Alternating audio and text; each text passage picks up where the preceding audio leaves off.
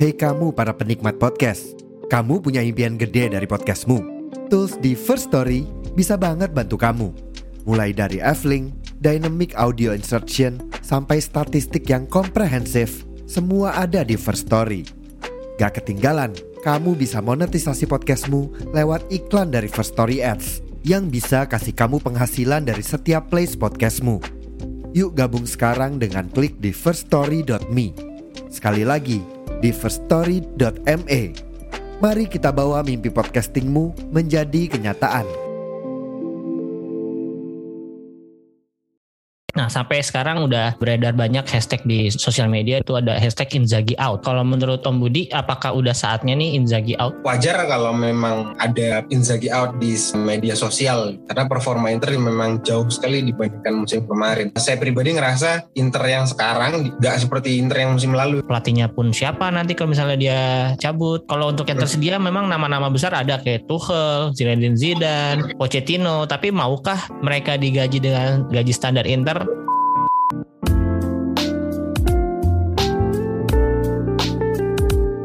Selamat pagi, siang, sore, dan malam. Kembali lagi di Interisme Podcast. Podcast yang membahas berita-berita seputar Inter yang dikutip dari sosial media dan portal-portal berita olahraga. Kali ini gue ngetek tanggal 25 September. Dan langsung aja nih, karena hari ini gue nggak sendiri. Gue udah bersama seorang Interista senior yang sering dipanggil Om atau bahkan Mbah. Dan beliau ini adalah seorang penulis dan juga redaktur. Langsung aja gue present Om Budi Windekin. Halo Om Budi. Halo, selamat siang semuanya. Assalamualaikum warahmatullahi wabarakatuh. Selamat siang Om. Terima kasih untuk waktu waktunya dan mohon maaf ya mengganggu akhir pekan ya. Ah enggak, aman aman. Oke, okay. mohon maaf sebenarnya tadi bener nggak penyebutan namanya Windekin? Nah, Betul. Betul ya? Kalau boleh tahu itu artinya apa ya Om? Betul. Itu bahasa Belanda sih. Betul itu nama pena yang dikasih sama almarhum dosen saya dulu. Jadi akhirnya ya udah saya pakai aja sampai sekarang sebagai apa ya? Kenang-kenangan sekaligus apresiasi ke beliau.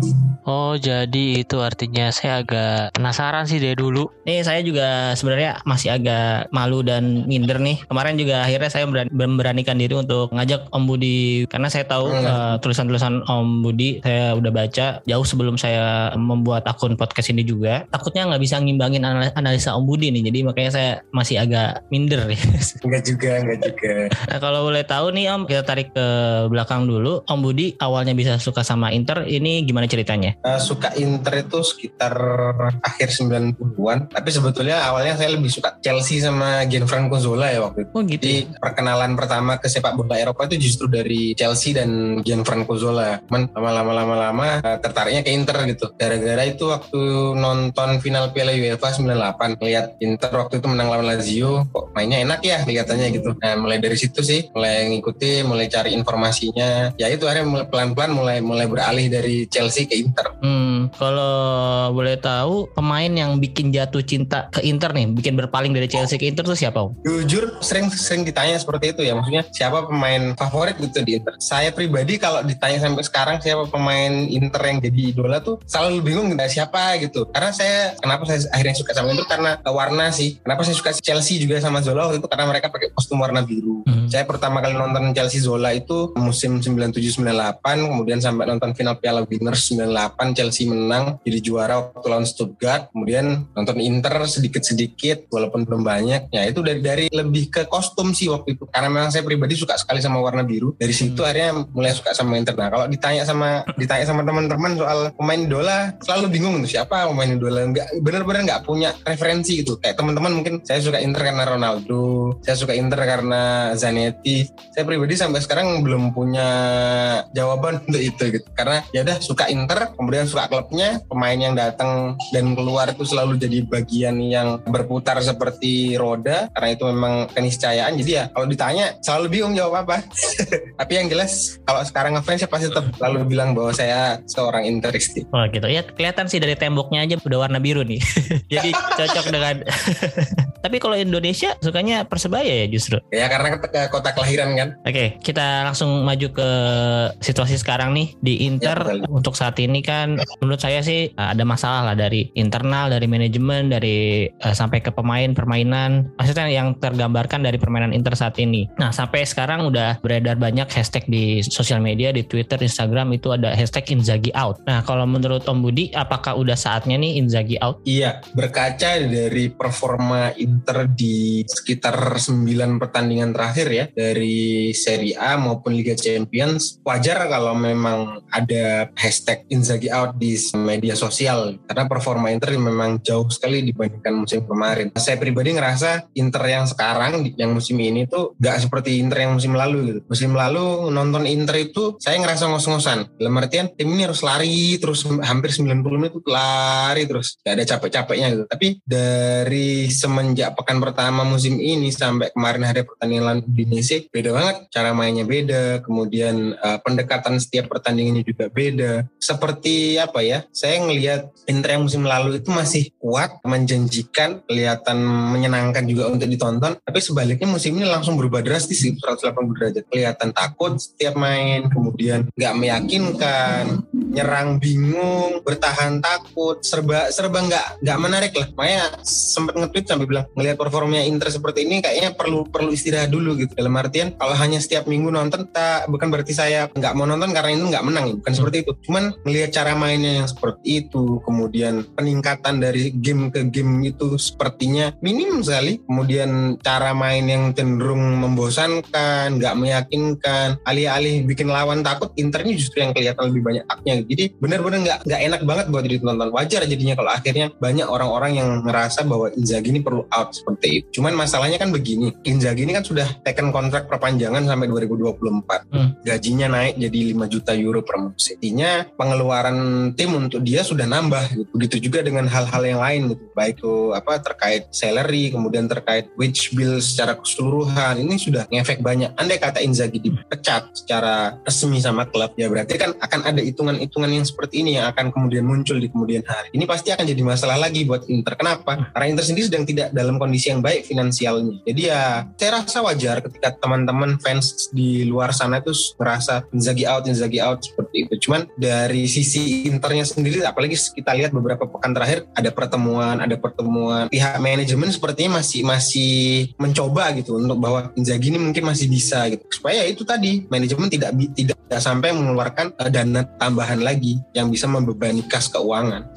Nah berarti kalau kita lihat memang dari performa dari statistik pun Inter dibandingkan musim lalu ini agak menurun ya Om ya? Jauh menurun, jauh lebih menurun. Uh-huh. Karena dari cara mainnya pun sudah sudah tidak menunjukkan apa ya, nggak kayak nggak ada semangatnya, nggak ada gairahnya main gitu. Hmm. Kalau menurut Om Budi ini salah satu faktor penyebabnya itu apakah strategi Inzaghi-nya atau karena pemain penting yang uh, dilepas musim lalu seperti Ivan Perisic, Arturo Vidal dan Alexis Sanchez uh, atau ada penyebab lainnya nih Om? Ya faktornya jelas banyak ya, baik itu secara taktis maupun teknis maupun terkait juga dengan kiprah klub di di luar sisi teknis, secara non teknis ya. Dalam artian apa yang terjadi selama bursa transfer kemarin ketika Inter apa namanya ya dirongrong dengan berbagai macam berita bahwa Inter nggak bisa beli pemain, harus jual bintang dulu dan berbagai macam berita lain tentu itu akan mengganggu psikologis tim. Itu pertama. Kedua ya dengan hilangnya Perisic tentu ada lubang di sektor kiri Inter sudah merekrut Gosens dari setengah musim kemarin, kemudian sering juga nyoba di Marco di sana. Tapi secara realita kemampuan kedua orang ini berbeda gitu dengan Perisic, terutama di fase bertahan. Karena ketika dapat serangan balik di sektor itu juga, Perisic bisa langsung nutup gitu dengan kemampuannya dia. Tapi di Marco dan Gosens ini tidak punya kemampuan itu dan ini yang membuat sisi kiri Inter itu lebih apa ya cenderung mudah di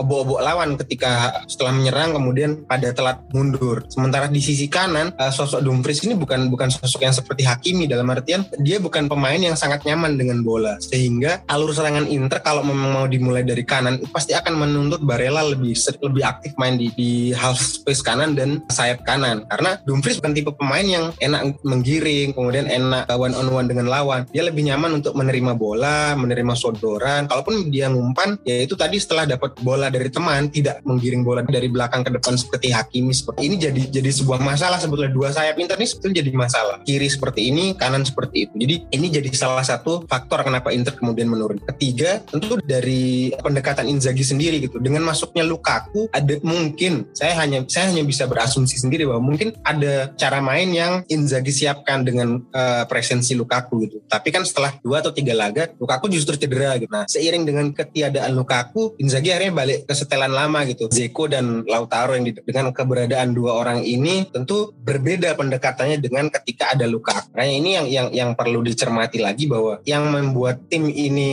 kelihatan menurun secara secara keseluruhan itu bukan hanya satu dua hal itu, tapi banyak sekali yang membuat penurunan itu terjadi itu banyak sekali baik itu faktor teknis, taktis maupun non teknis. Oke, okay. kalau dari segi strategi dulu nih Om, kita lihat dari perandingan lalu Indonesia yang terakhir kemarin deh. Kalau dari pandangan Om Budi, strategi Inzaghi Inzaghi itu pengennya menerapkan apa sih ke Inter yang di musim ini? Strategi yang seperti apa gitu? Mm, iya, itu kelihatan lebih meyakinkan ya, wih dapat gol cepat nih dari Barella. Tapi di selain peluang dari tendangan bebas itu tadi, sebetulnya selama kurang lebih 35 menit sampai 40 menit babak pertama itu Inter nggak bikin peluang yang betul-betul matang, peluang yang sekiranya gampang dimanfaatkan striker untuk bikin itu nggak ada. Kemudian koneksi antara lini tengah dengan lini depan juga nggak nggak jalan. Dari lini belakang sendiri begitu kena serangan balik itu langsung uh, keteteran luar biasa. Jadi betul-betul rapuh ya. Kalau bisa dibilang rapuh itu rapuh sekali. Semua semua area depannya rapuh karena memang apa dua striker ini bukan tipikal kreator dari penampilan lawan Indonesia kemarin baik Zeko maupun Lukaku jauh sekali di bawah standar karena tidak tidak memuaskan. Mereka nggak bisa menjadi eksekutor tapi juga tidak bisa menjadi kreator gitu, untuk menciptakan peluang di lini depan. Begitu juga di lini tengah adanya Brozovic, Barella maupun Miki nggak bisa bikin tim ini lebih nyaman dengan bola, lebih kreatif juga tidak. Jadi ya serba nanggung. Sementara di lini belakang saya juga nggak ngerti ya kenapa Skriniar, kemudian De Vrij, kemudian Bastoni itu juga kelihatan tidak sepadu sepadu musim kemarin. Perubahannya mencolok banget mereka yang biasanya kelihatan lugas, bagus mainnya ini tiba-tiba jadi merosot tajam. Jadi semua aspek ada, tapi dari dari yang terlihat selama ini Inzaghi masih pengen main dengan cara seperti musim kemarin. Lini depan, lini tengah, lini belakang yang cair, yang bisa permutasi posisi tiap pemain itu masih masih pengen dia terapkan. Hanya saja di beberapa fase di sejumlah skema apa ya macet gitu karena ketika misalkan Di Marco naik atau misalkan Bastoni naik, Di Marco juga naik ataupun Darmian juga ikut naik sehingga akhirnya lini belakang justru lubangnya besar. Nah, lawan tinggal mengarahkan bola ke arah sana sehingga bola justru mudah didapat dan akhirnya Inter kebobolan. Di sisi lain, saya juga nggak ngerti ya Skriniar juga walaupun kelihatan tangguh tapi di beberapa pertandingan posisi kemudian decision makingnya juga kurang oke okay. apalagi Handanovic teman-teman juga sudah sering komplain soal dia paling mengecewakan jadi memang secara mental nggak tahu ada apa karena ini memang terkait sekali dengan baik itu pengaruh dari taktis maupun teknis kompleks banget tapi mentalitas tim ini memang sudah berubah sih jauh banget oke okay. Tadi kalau Om Budi bilangnya ada sesuatu yang bikin macet, nah itu para pemain nggak bisa menerapkan instruksi yang baik dari Inzaghi atau tim lain atau pelatih lain yang sudah mengantisipasi strategi Inzaghi nih? Iya, uh, soal pemain yang nggak bisa menerjemahkan instruksi pelatih ini sebetulnya problem karena itu artinya ada ketidak di squad secara utuh. Pelatih percaya ke pemain tapi pemain tidak percaya kepada pelatihnya. Nah ini problem itu ini harus segera diselesaikan kalau memang ada ada riak-riak seperti itu. Karena kalau tim ini tidak bisa berjalan sebagai satu unit yang utuh berjalan sendiri-sendiri pemain maunya begini sendiri tapi pelatih maunya seperti ini ya semuanya nggak akan jalan. Dan itu justru akan membuat Inter semakin mudah di, dihabisi lawan. Tanpa harus membuat antisipasi macam-macam di lawan sudah tinggal memanfaatkan aja lah karena sudah kelihatan gitu udah ke expose nih kelemahan Inter di sebelah mana gitu udah gampang sekali di, di dibikin repot sama lawan. Oke, okay. terus apakah menurut Om Budi eh, beberapa kali pertandingan nih di eh, kita anggaplah di pertandingan yang Inter kalah di melawan Lazio, melawan Milan, terus lawan Udinese terakhir. Nah, apakah dari permainan Inter, uh, Inter tuh kelihatan nggak sih punya plan B gitu. Jadi dikala plan yang biasanya nggak berjalan, apakah si Inzaghi ini menginstruksikan untuk berganti cara bermain sejauh ini? Kalau dari cara main sebetulnya Inter itu selalu punya rencana ya. Pengennya begini, pengennya seperti hanya saja yaitu tadi uh, problem taktis, kemudian teknis dan juga mental yang mengganggu itu bikin eksekusi di lapangan itu jadi nggak maksimal gitu. Pemain sudah coba menerapkan instruksinya Inzaghi dengan cara seperti ini, cara seperti ini, tapi nggak bisa berjalan lancar. Ini sama seperti ketika musim kemarin waktu mulai turun drastis itu performanya akhirnya sampai kalah, kalah, kalah, imbang, kalah, nggak pernah menang itu yang beberapa laga berturut-turut. Semua itu artinya gol dari rencana itu tadi yang nggak dapat. Ini yang jadi problem. Itu juga musim ini gitu. Rencana Inzaghi maupun anak asuhnya ini ada gitu, di lapangan. Mereka punya kayak tujuan, ada kemauan seperti ini. Cuman eksekusinya yang masih berantakan, masih suka jelek gitu. Ya seperti kemarin kelawan Udinese di beberapa momen kayak Mkhitaryan punya peluang, tapi nggak bisa dieksekusi dengan baik. Begitu juga dengan Zeko. Nah ini kan ini kan masalah gitu. Padahal itu peluang yang cukup bagus gitu, misalkan untuk mencetak gol. Begitu juga dengan eksekusi di lini belakang. Ketika lawan megang bola, apa sih yang harus dilakukan sama back ini? Apakah menjaga pergerakan lawan atau justru fokus ke bola? Ini juga nggak nggak terimplementasi dengan baik. Hal-hal yang seperti ini sih, detail-detail kecil seperti ini yang yang harus diperhatikan dengan baik gitu bahwa hal itu harus menjadi perhatian khusus yang dibenahi. Kalau nggak dibenahi akan seterusnya seperti ini. Betul memang ada salahnya Inzaghi, ada salahnya Handenov, ada salahnya Brozov dan semua.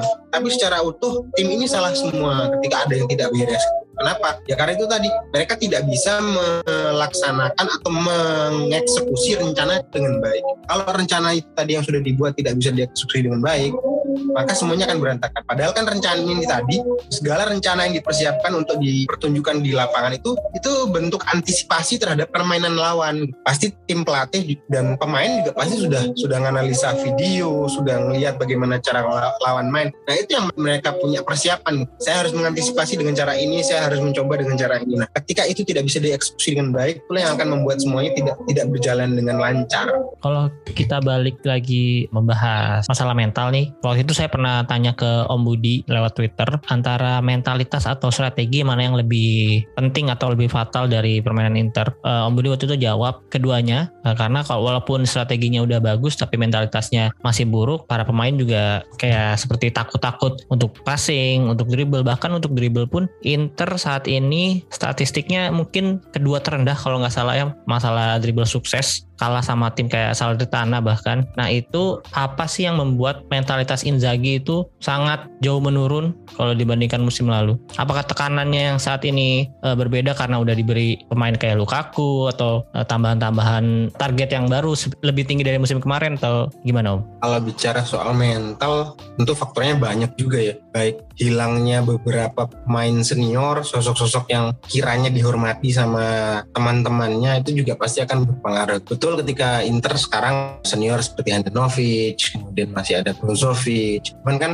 uh, sosok seperti Perisic nggak ada, kemudian Ranocchia juga nggak ada. Nah ini bisa jadi juga jadi salah satu penyebab kenapa ada perubahan mental di squad yang ada sekarang. Di luar itu ya kembali lagi kepada Inzaghi dan pemain-pemain yang ada ini. Apakah mereka merasa bekerja sebagai satu unit atau justru bekerja hanya untuk kepentingannya sendiri-sendiri gitu. Yang satu hanya ingin menyelamatkan karirnya sendiri, sementara yang satu hanya ingin show off sendiri supaya dilirik sama klub-klub besar seperti itu. Jadi mentalitas ini tadi bagaimana tim ini bekerja gitu. Begitu juga dari sisi manajemen. Manajemen seperti sekarang ini kan kelihatan Antonio kerjanya seperti ini. Tapi kan di, di luar itu dengan finansial yang terbatas ketika transfer ini tapi ternyata presiden klub tidak menyetujui hanya karena biaya dan lain-lain. Ini kan juga dari kinerjanya Antonio, kinerjanya Marota mungkin kelihatan oke-oke aja. Tapi uh, yang tidak bisa dilakukan sama Inter misalkan beli secara cash kemudian untuk menggoda pemain ini nggak bisa merekrut pemain karena finansial yang tidak baik tentu membuat bisnis ini tidak berjalan dengan sebaik seperti yang dulu. Ya contohnya kayak kemarin ketika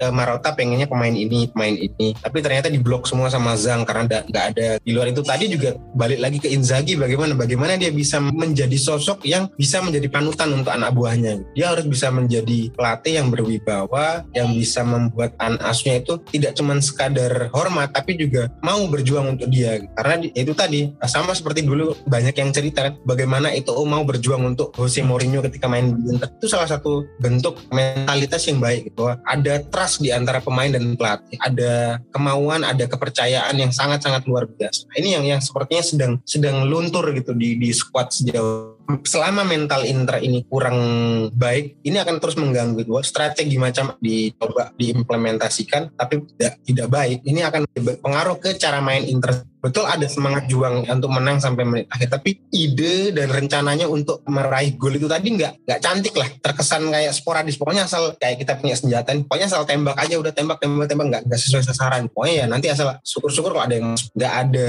apa ya ide yang betul-betul bikin tim ini lebih fresh dan lebih menggigit seperti itu. Hmm. Nah kan tadi kita udah bahas berbagai masalah dari strategi mental dan lain-lain nih. Nah kalau menurut Om Budi apa yang harus dilakukan oleh Inzaghi dan manajemen untuk memperbaiki masalah tersebut atau apalah solusinya? Kalau dari Inter dan manajemen sendiri? Ya, ya memang sudah seharusnya manajemen baik itu presiden klub sampai staf pelatih dan pemain itu duduk bareng. Mereka bahas apa yang kurang, apa yang menjadi masalah. Kemudian dari Inzaghi sendiri dengan skuadnya ini juga harus duduk bareng gitu lebih lama, nggak sekedar untuk analisa video ataupun mengamati permainan tim lawan, tapi bagaimana mereka menganalisa permainan sendiri, bagaimana mereka melihat kekurangan diri sendiri. Kenapa tim ini jadi semakin rapuh ketika dapat serangan balik? Kenapa tim ini jadi semakin apa ya kesulitan untuk mengkreasikan peluang? Ini semuanya jadi problem gitu karena menyetak gol tidak bisa tapi sering kebobolan. Nah, ini kan selalu jadi masalah. Nah, ini yang harus dilakukan Inzaghi dengan uh, semua staf pelatihnya dan para pemain harus duduk bersama mencari solusi atas segala permasalahan yang ada karena dari situlah nanti akan ketahuan gitu, oh kendalanya apa. Kemudian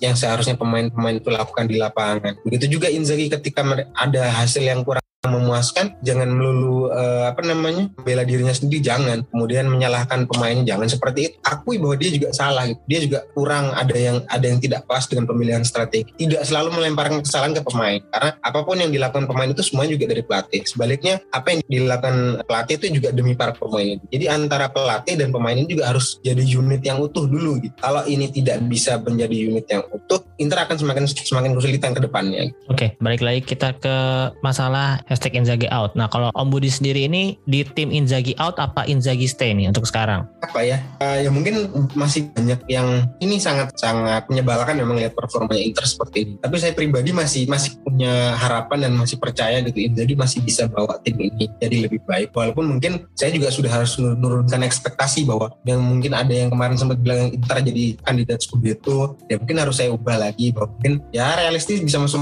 besar. Kalaupun akhirnya nanti lari ke Liga Eropa Eropa finish di posisi 5 atau 6 ya? Ya sudah harus diterima. Tapi saya masih berharap Inzaghi bisa bisa mengubah peruntungan ini gitu. Jadi yang kemarin hancur lebur bisa menjadi lebih baik. Karena sebenarnya musim 2022-2023 ini musim yang sulit. Kenapa? Karena nanti setelah ini main lagi di bulan Oktober sampai sekitar pertengahan atau awal awal November, November. kan udah stop lagi tuh karena ada ya. Piala Dunia sampai bulan Desember. Setelah saya itu baru nanti musim berlanjut lagi. Jadi ketika pemain-pemain yang ikut berangkat ke Piala Dunia itu tadi pulang tentu kondisi mereka belum tentu semua fit pasti akan terganggu fisik dan dan masih banyak permasalahan lain yang mungkin akan dihadapi libur yang mungkin lebih sedikit dan lain-lain. Nah ini musim ini tuh sebetulnya musim yang sangat sulit. Seperti yang Javier Zanetti kemarin bilang, masih banyak waktu untuk berbenah. Saya sendiri berharap Inzaghi masih bisa memperbaiki segala kekurangannya. Begitu juga para pemain juga bisa berkaca bahwa ada yang salah dengan cara mereka bermain, sehingga Inter bisa kembali jadi satu unit yang utuh. Dengan inilah nanti Inter akan bisa lebih baik performanya di lapangan dan mungkin hasil-hasil pertandingan yang diinginkan juga bisa dicapai. Jadi kalau misalkan mau pecat Inzaghi sih wajar kalau teman-teman banyak yang menyuarakan itu. Cuman saya sendiri masih belum karena itu tadi. Toh juga Inter sedang dalam kondisi finansial yang sulit. Kalaupun mau ganti pelatih, siapa sih yang mau diangkat gitu loh? Adakah sosok yang harga murah tapi punya kualitas bagus kan belum tentu juga. Iya iya iya. Sama sih saya juga belum atau bukan uh, dari golongan yang Inzaghi out itu ya. Karena jika benar terjadi Inzaghi out, kayaknya Inzaghi out itu bukan solusi yang terbaik deh. Justru akan menambahkan uh, masalah baru lagi nanti. Tadi uh, pelatihnya pun siapa nanti kalau misalnya dia cabut. Kalau untuk yang tersedia memang nama-nama besar ada kayak Tuchel, Zinedine Zidane, Pochettino. Tapi maukah mereka digaji dengan gaji standar Inter atau bisakah Inter menggaji pelatih baru dan memberikan pesangon ke Inzaghi itu kan belum tentu bisa ya apalagi dengan Zhang yang agak dalam tanda kutip pelit dalam mengeluarkan duit di bursa transfer yeah. kemarin. Terus kalau kita lihat daftar-daftar pelatih pun yang menurut saya agak possible itu eh, justru nama ada De Zerbi. Cuman De Zerbi pun sekarang udah melatih Brighton ya. ya. Nah itu jadi saya udah nggak tahu lagi nih ada nama baru ah, nama siapa lagi yang jika Inzaghi beneran out bakal direkrut Inter. Katanya juga ada Dejan Stankovic yang saat ini masih melatih Restart Belgrade ya. Makanya ketika bahas soal pelatih ini tadi kita sudah bisa berkaca bahwa sudah seharusnya bisa berkaca bahwa keuangan Inter tuh lagi syarat ketika nama Tuchel disebut, kemudian Zidane disebut, Pochettino disebut. Seharusnya kita sudah bisa tahu tuh mereka bisa nggak sih menerima gitu tawaran Inter dengan gaji yang mungkin tidak tidak setinggi yang mereka terima di klub sebelumnya. Realistisnya palingan mentok-mentok kayak Stanfich, kemudian Chifu mungkin yang diangkat dari Hmm. Primavera seperti itu. Jadi dari yang kalau orang-orang bilang Inzaghi mediocre, kemudian kalau larinya ujung-ujungnya cuman ke modelan Stankovic, bukan berarti saya merendahkan ya, tapi maksudnya ke Stankovic atau Yang level juga sebetulnya belum belum sampai di level atas. Terus apa bedanya? Kalau misalkan yang bisa di bisa didapat modelan Tuchel kemudian Zidane ya mungkin masih bisa gitu, masih meyakinkan gitu. Cuman kalau ujung-ujungnya dari dari Inzaghi ke Stankovic, oke lah kalau orang-orang bilang Stankovic kan sudah juara dua kali di Liga Serbia bareng Red Star Belgrade. Cuman kan levelnya Liga Serbia dengan Liga Italia berbeda. Kemudian dari hal-hal yang lain, saya juga nggak tahu ya. Cuman saya sempat baca di Twitter atau di mana waktu itu bahwa di Liga Serbia sendiri itu juga masih kental aroma politiknya. Nah kita nggak betul-betul tahu apakah kesuksesan Stankovic tadi itu murni betul-betul karena hasil kerjanya dia di lapangan atau tidak. Ini yang ini yang masih jadi pertanyaan. Kemudian kalau Kifu sendiri andai kata diambil dari Primavera kan memang betul mereka habis Scudetto musim kemarin. Cuman kan level Primavera dengan seniornya juga beda lagi. Nah itu itu jadi pertanyaan-pertanyaan besar yang baru gitu. Ali kalau memang bisa lepasin lagi kemudian dapatnya Zidane, masihlah kita punya rasa percaya diri bahwa oh Inter pasti bisa bangkit gitu dengan pelatih yang punya nama besar. Cuman kan ini dari medio kalau orang-orang bilang dari yang mediocre ke yang belum terbukti ya berjudi juga dong jadinya gitu. Iya sama Ini aja kan ya. juga masalah nanti akhirnya. Nanti kalau akhirnya nggak memuaskan misalnya kinerjanya Stankovic sama Cihu pecat lagi nanti. Terus Hmm. kan semusim berapa pelatih nanti yang kepake? Iya, jadi ingat masa Mancini debur tuh waktu itu ya. Mancini ke Nah, debur. balik lagi ke masa Moratti ntar ganti ganti pelatih bisa sampai tiga kali sebelum Iya iya. Nah kalau kita berandai-andai lagi nih, misalkan Inzaghi out ini juga saya juga baru tahu nih ternyata untuk pelatih kan bisa ditransfer ya. Saya baru baru nyadar Hmm. juga beberapa bulan terakhir nih ternyata pelatih itu bisa ditransfer nggak cuma pemain ya. Contohnya yang terakhir itu si Graham Potter dari Brighton ke Chelsea itu eh, ada maharnya 18,4 juta pound sterling atau euro nih kalau nggak salah. Untuk rekor Iya. transfer paling mahalnya tuh ada di Nagelsmann dengan 20 juta euro dari Leipzig. Leipzig. Iya, kemudian di posisi ketiga justru ada pelatih kita eh, Jose Mourinho dulu yang setelah final eh, Liga Champions 2010 langsung dibajak oleh Madrid dengan nilai transfer 16 juta euro. Nah, kalau kita berandai-andai si Inzaghi beneran out dan Inter kemungkinan bisa bukan dari pelatih yang lagi nganggur nih tapi dari pelatih yang lagi menangani tim Serie A sekarang. Eh, Om Budi akan memilih siapa nih pelatihnya yang bisa kita beli atau kita bajak dari tim lain. Iya, jadi yang andai kata Inter bisa ya bisa membajak.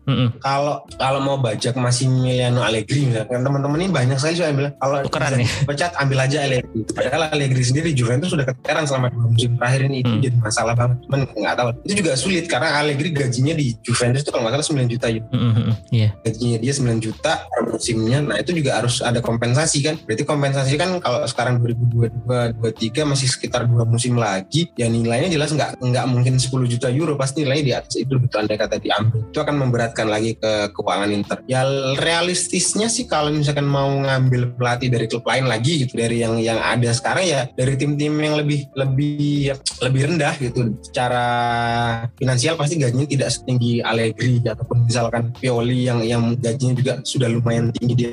Hmm. Ya mau nggak mau harus berkaca seperti itu ke pelatih pelatih klub uh, mid table. Kalau dari komposisi pemain yang Inter punya sekarang nih, menurut Om Budi nih siapa nih pelatih yang cocok untuk menangani pemain-pemain Inter saat ini nih? Kayak Inter kan punya kayak pemain kayak Lukaku, Di Marco, Gosens. Nah, yang cocok tuh siapa? Ya kalau mau bawa pelatih lama ya dalam artian pelatih senior, saya pribadi sih lebih lebih lebih pengen gitu kalau pelatih yang nama-nama baru yang yang yang menangani Inter gitu bukan sosok-sosok lama ataupun sosok-sosok senior. Andai kata diambil lagi ya Italiano itu sosok yang menarik. Kemudian eh, Igor Tudor itu juga sosok yang menarik sebetulnya gitu. Ada juga Ivan Juric, apalagi Ivan Juric ini juga punya Iya. skema yang sama. Pelatihnya Torino itu punya skema yang sama dengan Conte maupun Inzaghi. Cuman kan itu tadi kita nggak tahu level mereka sampai mana. Gitu. Apakah mereka bisa lebih lagi dibandingkan sekarang atau justru ya sekedar jadi apa pelatih table gitu aja. Cuman itu nama-nama yang cukup menarik sih untuk dijadikan kandidat berkaitan lagi juga dengan finansial klub seperti itu. Setuju sih tadi kalau nama-nama Italiano, terus Ivan Juric juga kalau dilihat dari tim yang dia pegang sekarang, saat ini Torino juga masih di 10 besar ya dengan Hmm. pemain yang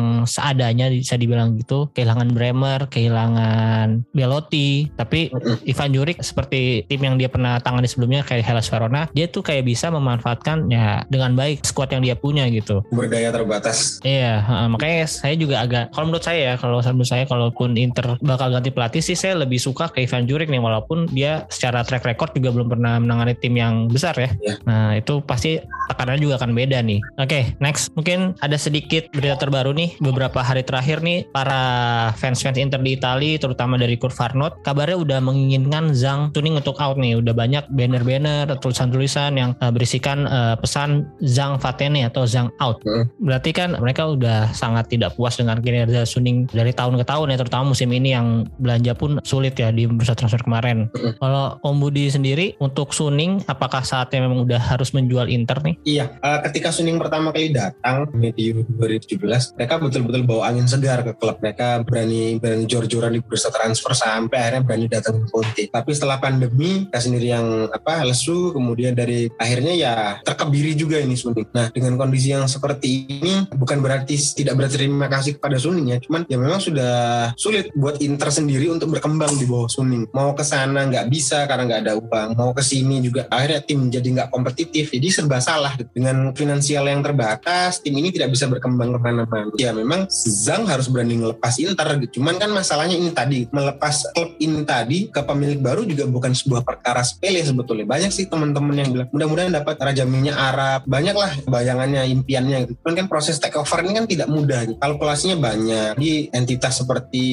Inter ini kan utangnya juga gede. Nah, Hmm. siapa sih yang mau gitu untuk untuk nutupin itu semua gitu. Nah, ini kan jadi sebuah problem juga buat calon investor gitu. Mereka mau nggak ngambil dengan kondisi keuangan yang seperti ini. Ini jadi macam warning juga buat kita sebetulnya sebagai fans bahwa akuisisi klub itu tidak semudah kita beli jajan di luar di pinggir jalan atau apa gitu. Karena ya kaitannya banyak dari aset, mereka akan menilai aset, menilai proyeksi klub fitnya itu semua akan diukur gitu. Dari yang sudah ada kan sejauh ini kan baru rumor nih, baik itu PIF yang katanya mau ngambil alih Inter gitu. Kemudian ada juga dari Amerika, Iya. banyak lah. Cuman saya pribadi belum berharap terlalu banyak sampai betul-betul ada sinyal yang jelas gitu dari investor gitu. Karena kita juga harus ngelihat gitu investornya siapa. Kalau ujung-ujungnya nanti dapatnya sama-sama sosok yang tidak bisa membawa Hmm. keuntungan buat klub juga untuk apa? Contohnya kayak Glazer Iya. belinya pakai utang, utangnya mereka justru dibayar sama klub ini kan juga justru malah merugikan. gitu. Jadi bukan perkara mudah gitu untuk untuk cari pemilik baru dan buat kita pun kita harus memahami itu gitu in- interest ini bahwa sayang sama klubnya iya, tapi untuk melihat bahwa Inter ini dijual atau dap- didapatkan pemilik baru ini juga harus diperhatikan baik-baik gitu. Jangan sampai Inter justru jatuh ke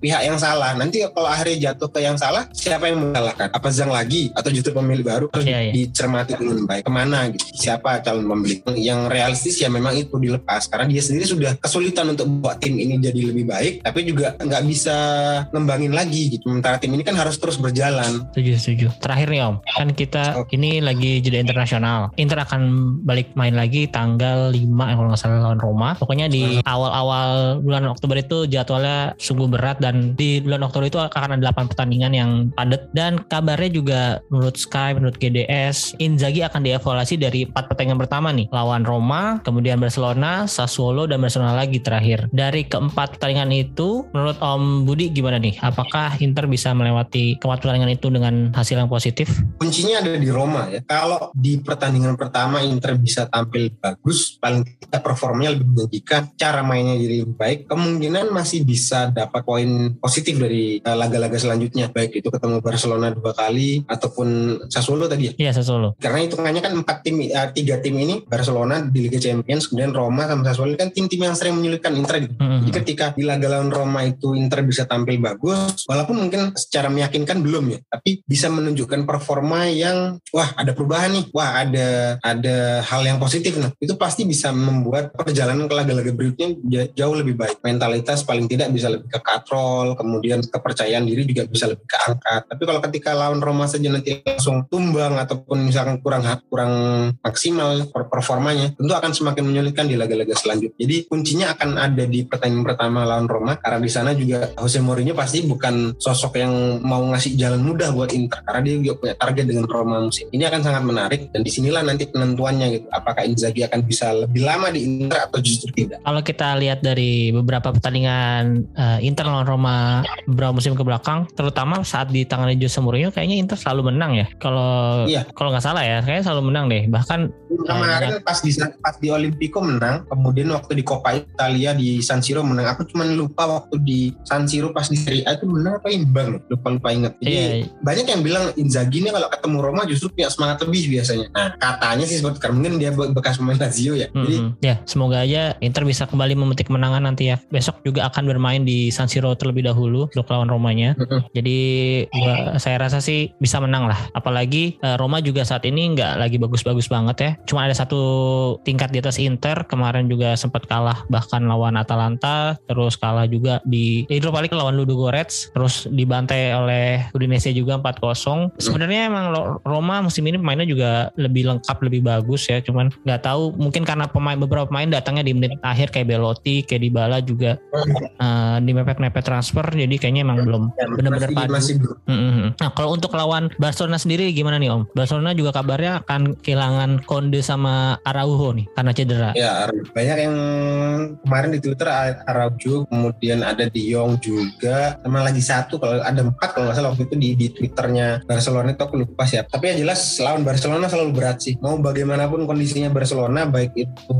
sedang bagus-bagusnya ataupun sedang jelek-jeleknya, Inter selalu tidak mudah setiap kali ketemu mereka. Jadi butuh persiapan yang baik, butuh uh, pendekatan yang tepat supaya bisa dapat poin gitu. Karena pertandingan lawan Barcelona ini justru jadi penentu gitu. Karena kan dua kali ini langsung ketemu nih, baik itu yang pertandingan pertama maupun kedua, ini akan jadi penentu gitu. Ke mana Inter di Liga Champions musim? Apakah bisa melaju jauh atau justru nanti kesingkir ke Liga Eropa, ke Liga Eropa atau malah jadi juru kunci? Ini akan jadi penentuan. Jadi harus bisa dimaksimalkan sama Inzaghi kalau memang dia mau membuktikan kapasitasnya sebagai pelatih yang bagus. Dan ini memang jadi ya Oktober nanti betul-betul jadi penentuan memang buat Inzaghi. Apakah dia bisa lebih lama di San Siro atau tidak? Iya iya. Karena kalau kita bilang Barcelona lapis duanya pun musim ini bagus-bagus ya.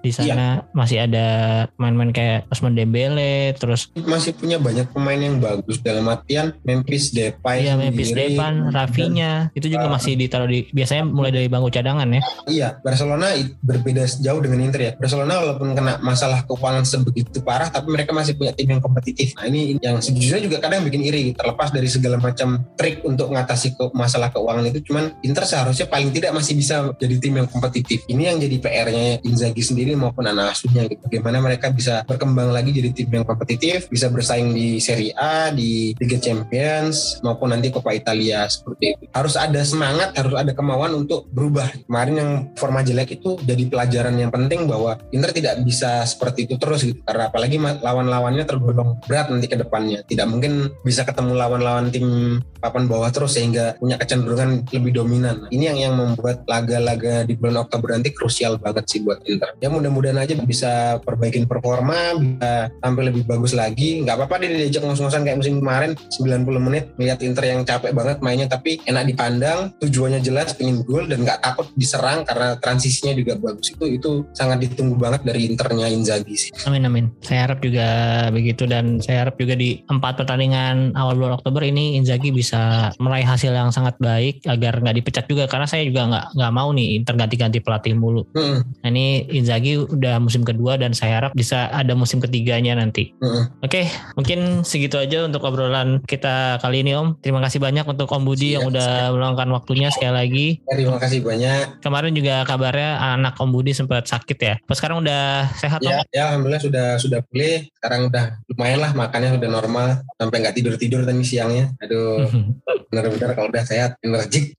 Oke, semoga ya eh, sehat selalu Om Budi juga dengan keluarganya dan Zaldi juga. amin amin dan eh, saya tunggu nih eh, tulisan-tulisan dari Om Budi yang baru Siap, siap. ya mudah-mudahan eh, bisa segera merilis artikel yang baru ya Om ya. Ya. Nah buat teman-teman yang mau membaca tulisan Om Budi bisa langsung aja cari di fandom ID ada, di Pended Football ada, banyak deh pokoknya di mana-mana ada tulisannya. Kalian tinggal search keywordnya Budi Windekin di Google, mungkin nanti ada beberapa artikel yang keluarkan ya. Terus kalian juga harus follow akun Twitternya Om Budi Windekin nih di @windekin underscore Budi. Di sana juga selain Inter ada beberapa olahraga lain yang biasanya di tweet oleh Om Budi seperti basket, kadang-kadang American football waktu itu saya pernah lihat. Terus pastinya juga ada analisa-analisa mendalam tentang klub kesayangan kita yaitu Inter Milan.